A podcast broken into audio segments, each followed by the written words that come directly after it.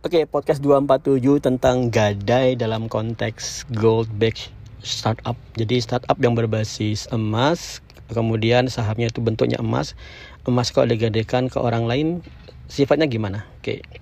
Menjawab pertanyaan salah satu member RWID ya, dan saya coba membahas ini dari sepanjang pengetahuan saya. Jadi saya kuliah itu di antaranya fokus agar bisa menganalisa konsep yang saya bangun ini secara akademis dan secara syariah. Oke, sekarang gini dulu. apa sih yang yang membuat saya rada alasan apa yang membuat saya berusaha me, berus, uh, membangun sistem gadai? Uh, jadi gini apa yang dimaksud dengan gadai? Gadai itu kamu punya barang berharga kamu butuh uang tapi dan kamu punya barang berharga apa apa pun itu. Sebenarnya paling gampang kamu jual aja barang berhargamu kan? Ya ya kan tapi kamu eman juga barang berhargamu ini ya kalau dibeli lagi bisa sulit lah katakanlah. Sulit lagi membeli lagi dan gampangnya katakanlah gini aja kamu nggak nggak mau kehilangan barangmu itu. Akhirnya kamu menggadekan tapi juga kamu juga punya kesiapan untuk nanti anda kata kamu nggak bisa ngelunasi barang gadanya itu diambil oleh yang punya oleh yang kamu tempat menggadekan uh, pertama-tama saya berusaha membangun sistem seperti ini ini berbeda. Sistem yang saya bangun ini berbeda banget. Katakanlah, oke, okay, orang sama-sama punya emas. Satu emas yang dia miliki pribadi, kemudian digadekan di mana lah di BT di mana lah ya di Pegadaian misalnya. Kalau di Pegadaian tuh menggadekan ada jangka waktunya, jika waktunya habis barang emas jadi milik Pegadaian. Mungkin ada toleransi saya nggak juga ya. Pokoknya intinya diambil oleh Pegadaian. Kemudian selama itu kamu dapat uang. Oke. Okay. Uh, di sistem yang saya bangun, emas itu bukan sekedar emas. Emas itu adalah produk sisa dari profit share tiap bulan dari suatu sistem sirka yang modalnya di antaranya dimiliki oleh yang punya emas ini. Rada kompleks ya. Jadi Orang yang menggadai itu dulu gabung di RWID dengan uang. Kemudian uangnya dibang, dibang, digunakan untuk membentuk platform RWID. Platformnya terbentuk, udah ada profitnya. Profitnya kemudian tidak langsung dikembalikan ke yang pemodal, tapi dibentuk disimpan ke bentuk emas secara proporsional. Secara proporsional seperti ini, seperti ini. Anda kata RWID saya jual, dalam tanda petik ya, saya jual dengan nilai satu miliar. Kemudian orang ini punya uang 100 juta, berarti 10 eh sorry, ya 100 juta berarti 10% kan? Oke okay. 100 juta itu sekitar 10 gram angka 10 gram. Kemudian udah dia nah uang dia udah jadi RWID kemudian setelah setahunan emasnya terkumpul.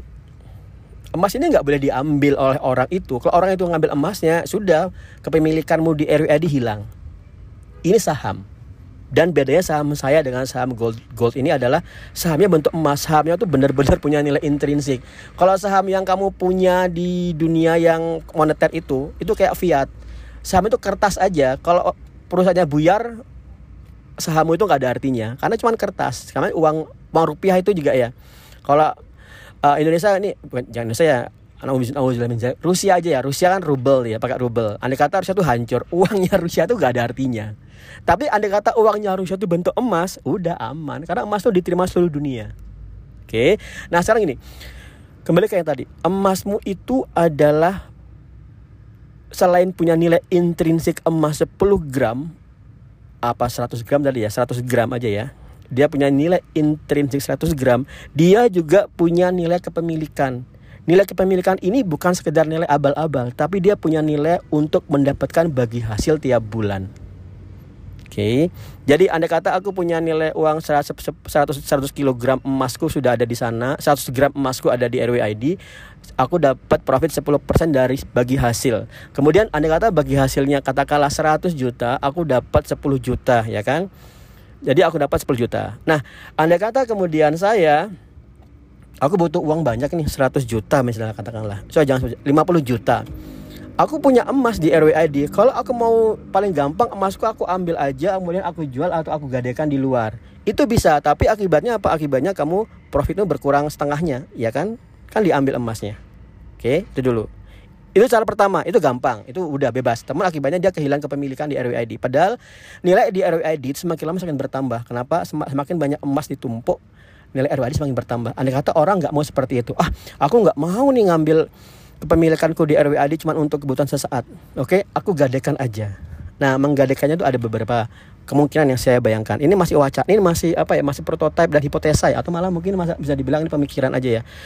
Uh, saya ketimbang saya mengambil emas dan menjualnya keluar, saya tawarkan aja Guys, aku butuh uang 50 juta di RWID. Aku punya saham emas. Aku punya saham dan yang emasnya adalah 100 gram. Aku cuma butuh 50 juta. Aku mau menggadekan ke pemilik emas ini. Emas ini digadekan, katakanlah digadekan ke pemodal yang lain. Dapat 50 juta. Pertanyaan saya gini, karena emasnya sudah berpindah ke pemilikan, manfaat dari emas itu adalah bagi hasil kan? Oke. Nah, ini gini. Manfaatnya itu bagi hasil. Kemudian yang mem menggadek yang tempat penggadaian berarti punya emas itu dan pertanyaan saya adalah berhak nggak memiliki mendapatkan manfaat dari bagi hasil tiap bulannya. Ini saya belum teliti ya. Ini saya belum teliti. Saya belum pelajari secara lebih detail uh, tentang pegadian itu hukumnya gimana, detailnya seperti apa. Dan memang saya harus berhati-hati. Cuman saya memberikan satu masukan. Emas itu kan menghasilkan profit. Profitnya tadi saya ambil kasaran aja 10 juta. Karena emasnya itu cuma 50 gram, berarti setengahnya dia akan mendapat 5 juta. Dalam perhitungan saya, lebih baik dan lebih masuk akal, common sense adalah 5 juta ini menjadi milik orang tempat penggadainya. Bukan lagi milik orang yang menggadekan karena sudah dikasihkan ke sana. Secara common sense manfaatnya ke sana kan. Kemudian bisa gini, itu riba eko. Nah, ada satu hal yang, yang belum saya sampaikan. Selama emas ini menghasilkan profit 5 juta tiap bulan, maka selama itu dia mengurangi uang gadenya. Aku minjam 50 juta. Kemudian selama itu uh, aku mendapat bagi hasilnya. Jadi katakanlah kalau 5 juta cuman 10 bulan, sorry, kalau aku minjam 50 juta per bulan 5 juta, maka dalam 10 bulan 10 bulan lunas kan? Maka dalam 10 bulan uang itu emas itu lunas dan kembali menjadi orang yang meng, meng, menggadekan. Cerdas kan cara seperti ini? Yaitu sebenarnya yang melunasi itu RWID. Itu uang dari bagi hasil. Bukan berarti seperti ini ya. Dia dapat dua bulan nih misalnya, dapat 10 juta, udah dapat 10 juta kan tapi kemudian yang lunasi harus ngelunasi 50 juta enggak salah itu itu itu riba itu riba karena emang jadinya mendapat manfaat dari kelebihan modal kan Nah ini menariknya, ini menarik sistem saya bangun. Jadi sistem saya bangun itu nggak boleh di, boleh dipandang terlepas dari syar syirkah atau musyarakah yang dibangun di atasnya. Musyarakah yang di atasnya itu yang akan menyelesaikan permasalahan penut pelunasan gadenya itu loh. Oke, andai kata syirkah ini nggak ada nggak boleh. Andai kata syirkah ini nggak ada nggak boleh. Karena Oh sorry, saya nggak akan menjawab nggak boleh ya. Nanti aja, nanti saya akan bahas, nanti saya akan bisa berani menjawab kalau saya sudah menuntaskan uh, uh, apa namanya saya menuntaskan fikih muamalahnya mungkin Syafi'i Imam Syafi'i tentang ini kan di Indonesia itu mayoritasnya Syafi'i gitu ya. Jadi uh, dan juga beda-beda ya.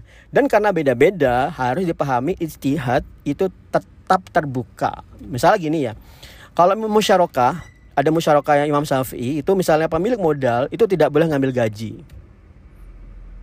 Kalau mau ngambil gaji harus cash bond. Dia ngutang. Menurut saya itu harus diperbaiki. Ijtihad. Kenapa ini masalah resiko aja. Kalau seperti ini nggak ada yang mau bangun usaha dengan pemodal. Nanti pemodal malah nyekek dia dengan founder dicekek dengan utang. Ya nanti ya, nanti lagi ya. Jadi harus dipahami bahwasanya harus dipahami sih mana yang sifatnya uh, garis uh, pokok-pokok dari agama yaitu Quran dan hadis dan mana yang berupa ijtihad ulama. Ijtihad ulama itu boleh dong di uh, revisi, boleh direvisi. Nah, karena itu saya mendalami ilmu magister ekonomi UII agar saya bisa dinilai kredibel uh, untuk melakukan revisi itu andai kata saya cuma ilmu komputer yang yang baca ngapain Pak Ekon ilmu komputer aja bahas-bahas ekonomi tapi kalau saya sudah di magister ekonomi seenggak-enggaknya kamu harus mendebat jurnal yang saya publish dulu kan seperti itu Oke okay, ya, ini harus dipahami ya. Jadi paham uh, paham dulu konsep uh, syirkah atau musyarakah yang dibangun di atas emas sebagai bukti kepemilikan saham. Ini memang jelimet banget, oke, okay? teman-teman.